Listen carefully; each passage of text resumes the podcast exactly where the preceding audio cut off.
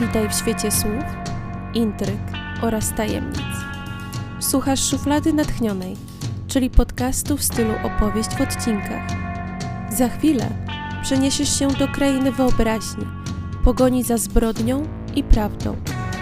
Ja jestem Zuza, a to jest moja szuflada, która właśnie otwiera przed Tobą wszystkie swoje sekrety. Oto jeden z nich.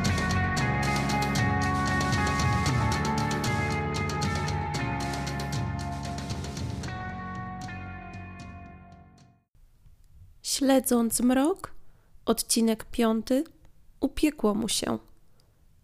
Jak można się domyśleć, skrócona wersja wideo z przetrzymywania Marka okrążyła sieć w zaledwie kilka godzin. Mniejsze portale zaczęły nawet puszczać ten materiał jako news dnia. Dwa długie telefony z redaktorem naczelnym i debatowanie nad decyzją, czy redakcja również powinna odnieść się do zaistniałej sytuacji. Z punktu biznesu i branży już dawno powinniśmy się tym zająć. Chłopaka jednak nadal nie znaleziono, a jeżeli artykuł powiązany z moim nazwiskiem miałby skłonić porywacza do bardziej drastycznych kroków, tego rodzaju odpowiedzialność jest naprawdę nie do zniesienia. Ostatecznie decydujemy się na krótki materiał dotyczący zaginięcia, wspominający także wideo, utrzymany jednak w profesjonalnym tonie, zostawiając emocjonalne komentarze i wstrząsające nagłówki kolegom z innych gazet czy portali. Nie mam jednak więcej czasu, żeby zaprzątać sobie głowę nagłówkami jutrzejszych newsów. Chyba, że będą przedstawiały cudowne odnalezienie Marka, do którego planuję się przyłożyć jak tylko się da. Dzięki życzliwości lokalnych przedsiębiorców udaje nam się mniej więcej odtworzyć losy Marka Krukowskiego z dnia zaginięcia. Historia ta zaczyna się oczywiście od wizyty w dyskotece. Kamery zarejestrowały jego przybycie jako część większej grupy znajomych. Potem pojedyncze ujęcie, kiedy wychodzi w kurtce na zewnątrz na papierosa. Co jednak dzieje się dalej, jest wyjątkowo podejrzane. Marek opuszcza klub kolejny raz. Tym razem sam i nie zachowuje się już jak młody chłopak w trakcie zabawy. Chwieje się z prawej na lewą, nogi mu się plączą, zapomniał nawet o założeniu kurtki. A przecież kiedy wychodził zapalić niecałą godzinę wcześniej, nie wyglądał w ogóle na mocno pijanego. To chyba nie alkohol. Wygląda, jakby został czymś odurzony. Kurtka chłopaka, znaleziona przez prywatnego detektywa na terenie dyskoteki, potwierdza hipotezę, jakoby został odurzony. W kieszeni znajduje się bowiem paragon, tylko i wyłącznie za trzy drinki.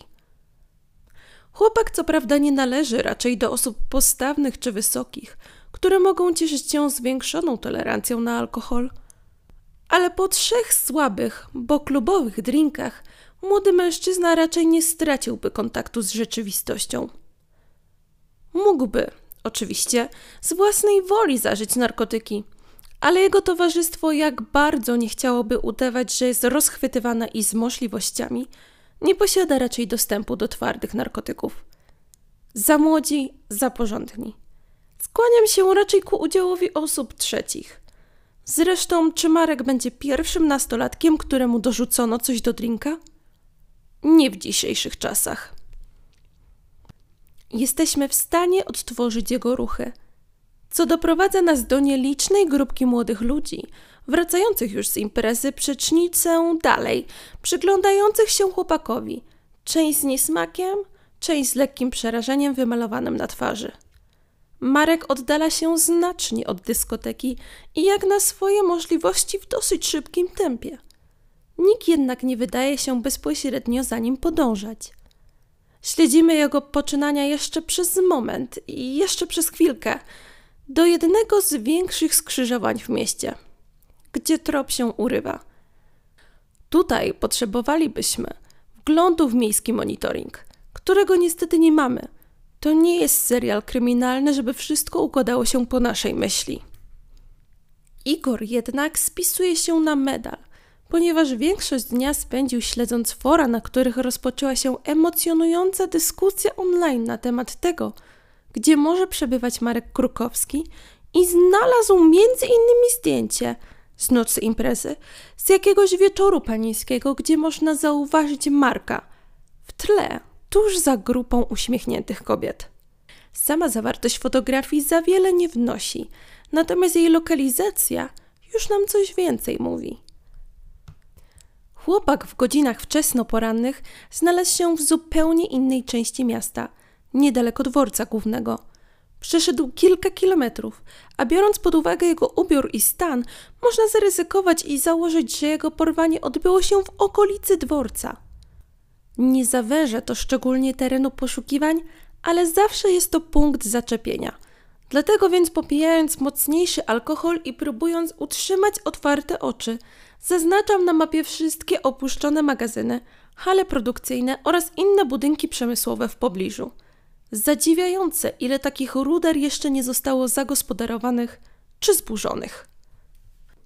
Zdjęcie oczywiście przekazujemy policji, która ewidentnie również wzruszona tak wielką sprawą na swoim podwórku, obiecała oddelegować znaczną liczbę funkcjonariuszy z samego rana, by sprawdzić na wyrywki kilkanaście lokalizacji we wskazanym obszarze. Póki co, to nasz jedyny konkretny trop, więc wszyscy liczą, że jutrzejszy poranek zmieni losy sprawy.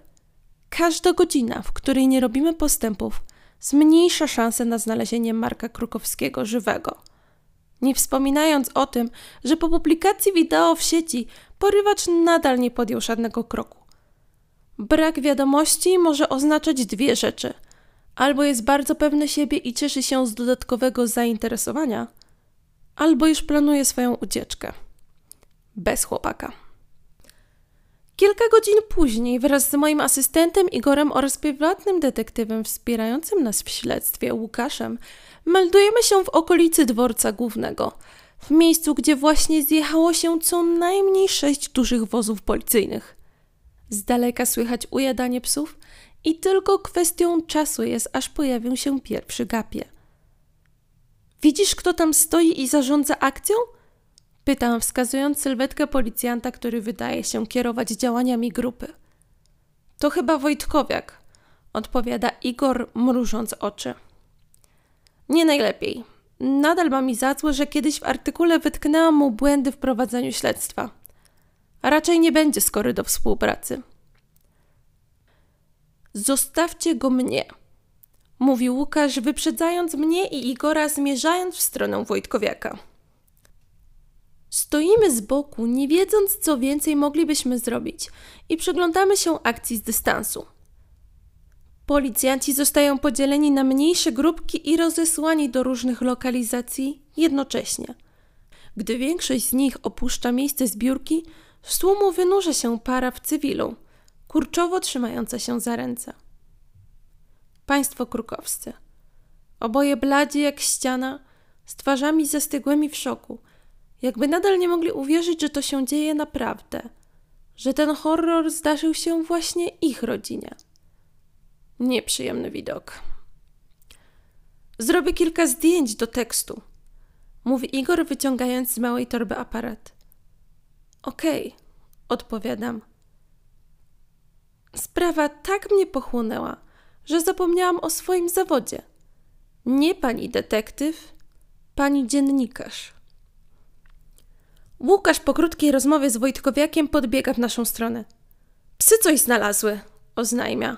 Chodźcie za mną. Proszę, byle nie ciało. Proszę, byle nie ciało.